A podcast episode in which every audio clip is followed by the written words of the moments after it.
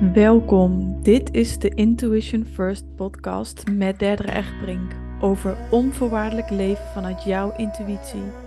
Voor de moderne, bewuste vrouw die met zelfvertrouwen, joy, sprankeling en stevigheid hun mooiste leven wil leiden, van binnenuit geleid door hun intuïtie. In deze podcast deel ik moderne spirituele lessen. Ik neem je mee in de wereld van energie, het belichamen van jouw human design en gegronde spiritualiteit waar je juist wat mee kunt in het leven. Zodat jij ook kunt stoppen met twijfelen aan jouw intuïtie en moeiteloos kunt gaan navigeren. Trouw aan jezelf, vol vrouwelijke energie, overgave en met een gezonde dosis moed. Hallo, hallo lieve mensen, welkom bij de Intuition First podcast. Vandaag een podcast over de spirituele jungle of eigenlijk de zelfhulp en spirituele en tantra, wat je ook maar allemaal kan doen. En hoe kun je nou de juiste coach op het juiste moment vinden? En eigenlijk aanleiding voor uh, deze podcast was een heel mooi kennismakinggesprek wat ik vanochtend had met een vrouw over eventuele één op één mentorship coaching. En um, ik zei eigenlijk aan het gesprek, aan het begin, of ik denk ergens in het midden al van, als ik er eerlijk op afstem, dan voel ik dat de therapie die je nu eerst gaat doen, belangrijk is om de basis te leggen en dat we vanuit daar weer contact kunnen hebben of de coaching die ik aanbied kloppend is.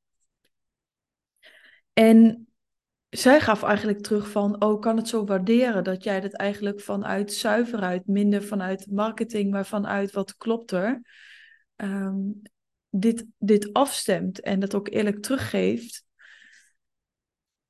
En dat zij ook al wel een tijdje in de spirituele wereld was, dat er zoveel aanbod is en dat je soms wel van sessie naar dingetje naar datje, maar dat eigenlijk niets echt blijft landen. En hoe vind je dan de juiste coach in die jungle aan coaches. Want de buurvrouw is een jungle, uh, is een jungle, is een coach geworden en die doet weer een holistisch coachingopleiding. Maar bij wie is het nou daadwerkelijk een levensmissie?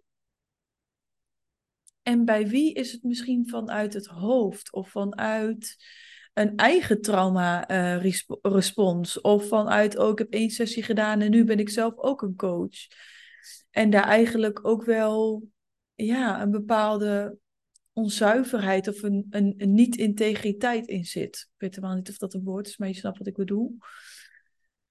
En toen dacht ik van misschien kan ik een podcast met je opnemen over een aantal red flags en een aantal tips hoe kun je nou in de jungle van coaches, in de jungle van sessies, in de jungle van zelfhelp, in de jungle van tantra misschien wel vinden wat nu echt voor je klopt?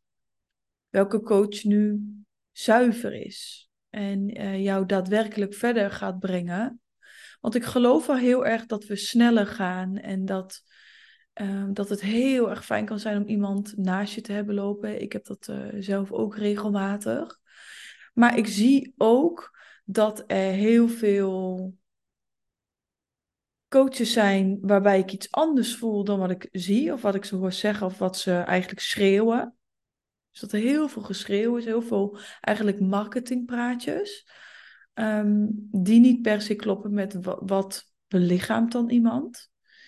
En ik zie ook ontzettend veel vrouwen die in de loop van graven, van hulp zoeken, van sessies zitten, maar die constant weer een sessie doen, ehm, daar niet werkelijk de veranderingen daarna van kunnen aanbrengen en dus weer de volgende sessie ingaan en in een soort loop blijven van het is niet goed, ik ben nog niet goed genoeg, ik moet nog meer helen, ik ben nog mezelf aan het zoeken, ik ben op die zoektocht en ah, ik, dat, ik gun je gewoon echt dat je de coach mag vinden die jou de weg naar jezelf terugwijst, waardoor je voelt, ook al ben ik nog een beetje messy, ook al doe ik niet alles goed, ik ben nu al goed. En Wat dus sowieso, als je gaat kijken in het land van, van alle coaches, of misschien komen er wel via het algoritme op Instagram coaches op je pad. Check dan altijd in met jouw gevoel, met de energie die daaromheen hangt. Dus misschien is het iets waar je nog niet zo bewust van bent. En dan zou ik zeggen, maak daar een nieuwe habit van. Ga dat trainen. Dus wat voel ik bij iemand? Wat zegt mijn hart als ik iemand ga voelen? Los van wat iemand zegt. Los van de persona die ze hebben neergezet. Dus op Instagram zet iedereen, including me, een persona neer. Uh, soms denken mensen bijvoorbeeld ook dat ik altijd alleen maar spirituele dingen doe en uh, altijd bewust ben. En... Maar dat is mijn kant die ik op Instagram naar buiten breng. Dat is ook echt een heel, heel, heel groot deel van wat ik leef. Maar ik probeer ook altijd gewoon uh, de andere kanten te laten zien. Van een feestje of een wijn of niks doen of iets verkeerd doen, iets verkeerd zeggen. I don't know. Alles wat je gewoon kan doen als mens. Maar als jij kijkt naar een coach of naar een teacher of naar een mentor, vertrouw dan wat jij voelt. Los van de persona, los van dat wat ze zeggen waar ze voor staan. Dus check in, check in, check in. Wat voel je? En kun je ook echt het hart van iemand voelen, de, de care, de of service zijn van iemand. Kun je dat helemaal voelen? Of als je gaat intunen, denk je dan, hmm, is er dan iets in je wat dan zegt, hmm, ik, ik weet het niet. Ik krijg een beetje een, uh, een, een gekke kriebel of een onderbuikgevoel of een, een ja, of misschien zelfs wel een, een naargevoel. Um, want als er met één ding helder en duidelijk is geworden na heel veel jaren al op het spirituele pad, is dat er ook gewoon een broeiplaats is voor narcisme. En uh, narcisme klinkt meteen een heel groot woord in, want ik denk ook dat we soms dat woord te snel gebruiken. Maar um, van mensen die door anderen te helpen zichzelf eigenlijk beter voelen. Dus die ander is in een kwetsbare positie. Die vrouw die ik vanochtend sprak, is in een kwetsbare positie. Die wil heel graag eruit. Die wil heel graag hulp. Die wil heel graag dat wat ze bij mij ziet. En dan zeg ik bij mij, maar het kan ook gewoon mijn andere coach zijn. Dat maakt helemaal niet uit. Maar bij iemand waarmee het al beter gaat. Die al, al gelukkiger is of weet ik veel wat. X, Y, Z. Een verlangen wat diegene heeft. Maar daardoor is het dus ook een broedplaats voor mensen die zelf nog bepaalde ongeheelde stukken hebben. En zichzelf daardoor eigenlijk in een positie brengen van ik sta boven jou, ik kan jou helpen. En daarmee neem ik een hogere positie dan jou in. Um, dus dat is voor mij ook een red flag waar je naar kan gaan kijken van hoe stelt diegene zich op. Kijk, diegene is op een bepaald niveau verder dan jou, in een bepaald verlangen wat jij hebt. Maar niet in alles. Diegene heeft niet de waarheid in pacht. Dus iets waar je ook op kan letten is, draagt diegene uit dat zij de weg weet, dat zij de waarheid, zij of hij natuurlijk, de waarheid weet, dat dat de weg is, dat haar methode de oplossing is voor al jouw problemen. Of zegt diegene eigenlijk heel erg eerlijk van, joh, we gaan die coaching aan, ik ga alles geven, jij gaat alles geven, maar we weten niet wat eruit komt. We weten niet wat voor beerput we opentrekken.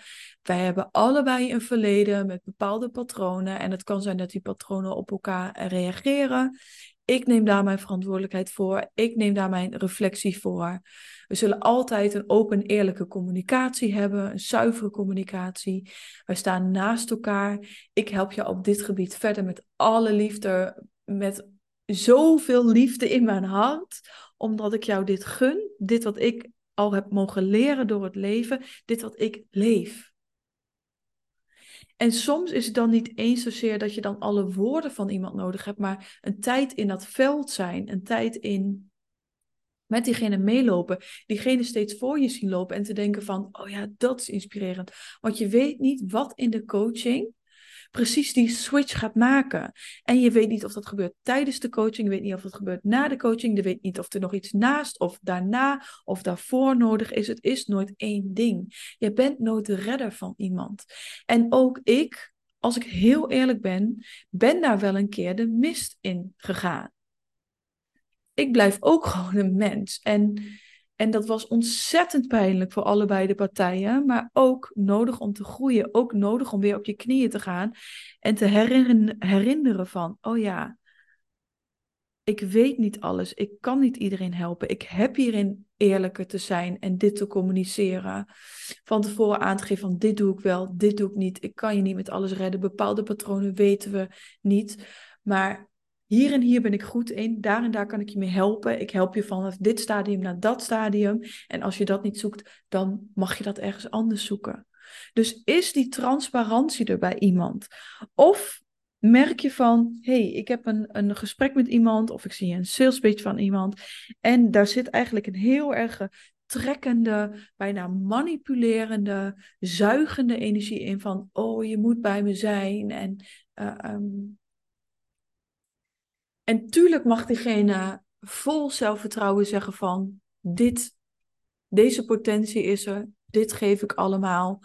Hier gaan we naartoe, door deze fases ga je heen. Dat kan ik je beloven, dit is mijn belofte. Maar de hoe, de wanneer, ehm, weten we gewoon niet. Dus, dus dat zijn dingen waarop je mag gaan invoelen van heb ik het idee dat het alleen maar love en light is? Of durft diegene ook haar donkere kanten, haar mindere kanten, haar rauwe, werkelijke belofte te geven? Want in die end weten we natuurlijk allemaal dat altijd alles anders loopt dan je had verwacht. En het kan zijn mooier, maar het kan ook zijn minder mooi. En kunnen we dan daarmee blijven? Mag dat dan het meest helende zijn wat je dan nodig hebt op dat moment? Ik ben een beetje afgedwaald van het, van het onderwerp, maar je voelt mijn passie en mijn. Ik vind dit zo belangrijk iets. Dus voel echt wat is de energie achter wat iemand zegt. En zegt diegene: Ik ben jouw antwoord, ik ben jouw uitweg. Dit is de waarheid, dit is de weg.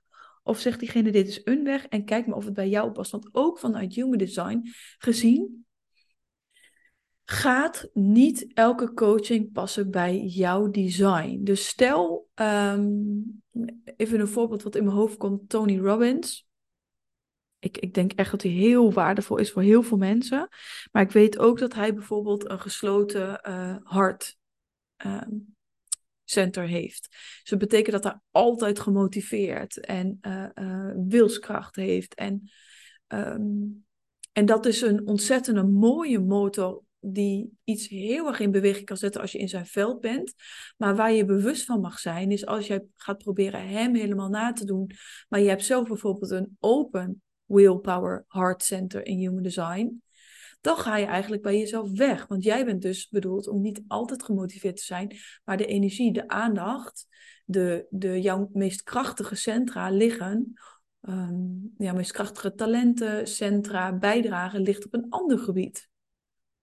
En zo kan dat eigenlijk constant zijn. Dus je kan ook in Human Design bijvoorbeeld een projector coach hebben en die kan op bepaalde gebieden ehm, jou heel erg spiegelen, jou teruggeven, jou zien. Je kan weer een generator coach hebben die heel veel energie, heel veel fundament, heel veel bouwen kan geven. Maar past dat bij, bij jou? Past dat bij jouw blauwdruk of mag je daar bepaalde hapjes van meenemen? Een bepaalde fase daarin zijn en ook weer dingen van diegene loslaten. Dus er is geen één weg, één waarheid. En voel of dat nu echt klopt. En dat kun je dus ook gewoon even bij jezelf heel erg nagaan van wat is mijn motivatie om nu in te stappen bij deze coach? Voel ik echt van mijn, vanuit mijn specifieke intuïtie, dus bijvoorbeeld voor generator manifesting generators, voel ik nu echt vanuit mijn onderbuik van ja, ja, ik krijg energie, ik word er blij van. En voor de mensen met een emotionele autoriteit ook nog kies ik dat dan, besluit ik dan niet in een high van, oh halleluja, geweldig, of in een low van, ik heb iemand nodig. En ja, ook die fout mag je gewoon prima maken. Ik bedoel, ja, dat leer je daar weer van. Maar ehm, wat is jouw eigen motivatie? Of doe je dat vanuit je hoofd, vanuit, oh ja, zij heeft allemaal dit en dit en dit al. Uh, dat is nu slim om nu te doen. Ik heb nu de tijd en het geld. En dan komt er eigenlijk een hele argumentatie erachteraan. Of ga je puur vanuit dat allereerste gevoel, of dat nou vanuit je onderbuik, vanuit een, een ingeving is, vanuit uh, door je emoties heen gaan en dan gewoon weten ik heb dit te doen. Vanuit dat je er met mensen over hebt gepraat en het blijft maar bij je hangen. Doe je dat vanuit die plek? En mag je dan daarna argumenten ervoor hebben? Of doe je het vanuit een hoofdplek? En wat, wat ik dan gewoon altijd zou zeggen is, hoe kun je meer in je lichaam aanwezig zijn? En de paradoxale is dus soms dat je daar een coach voor nodig hebt, omdat het heel spannend is om in je lichaam te zakken. Dus het is ook geen zwart of wit of waarheid wat ik nu met jullie deel, maar alleen maar mijn observaties. Dus heel erg van, hé, maar wat is nou mijn zuivere motivatie? Want soms kun je namelijk ook op, op die coach of op die therapeut of op die teacher, die mentor, helemaal gaan projecteren. Terwijl dat helemaal niet per se de realistische waarheid is van wat zij doet of wat zij kan of waar zij jou heen gaat brengen. Dus vanuit welke plek doe je het? Um, En in hoeverre ben jij verbonden met jezelf en maak je op kleine gebieden uh, keuzes die je kan vertrouwen? Dus vertrouwen is echt een spier die je kan opbouwen. Want ik kan me ook heel goed voorstellen, kijk, ik was uh, bijvoorbeeld, vroeger had ik wel bewondering toen ik 15, 16 was voor uh, Bentinho Massaro. En uh, dus keek ik wel YouTube-filmpjes van hem en dat soort dingen. En, keek ik echt naar hem op. dat al een red flag. Helemaal naar iemand opkijken en dat hij helemaal zo op zo'n podium en helemaal de master, dat soort dingen. Um, er waren heel veel red flags in ieder geval.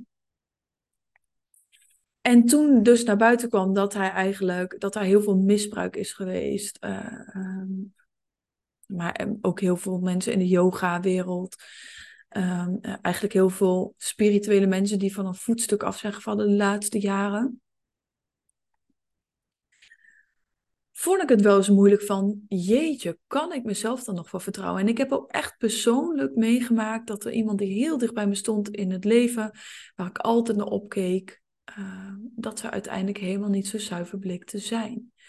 Een coach die ik ooit heb gehad, bleek eigenlijk uh, en niet eens dat, dat hun qua persoon niet zuiver zijn, maar hun motivatie, hun aanhaken op mij was gewoon niet zuiver. En ik was een ontzettend kwetsbaar, naïef meisje. Helemaal niet meer in connectie met mijn lichaam. Dus hoe moest ik in godsnaam voelen wat die waarheid was? Maar vanaf toen ben ik gewoon langzaam weer, ook in kleine dingen, steeds weer dichter bij mezelf gebleven van, oh ja.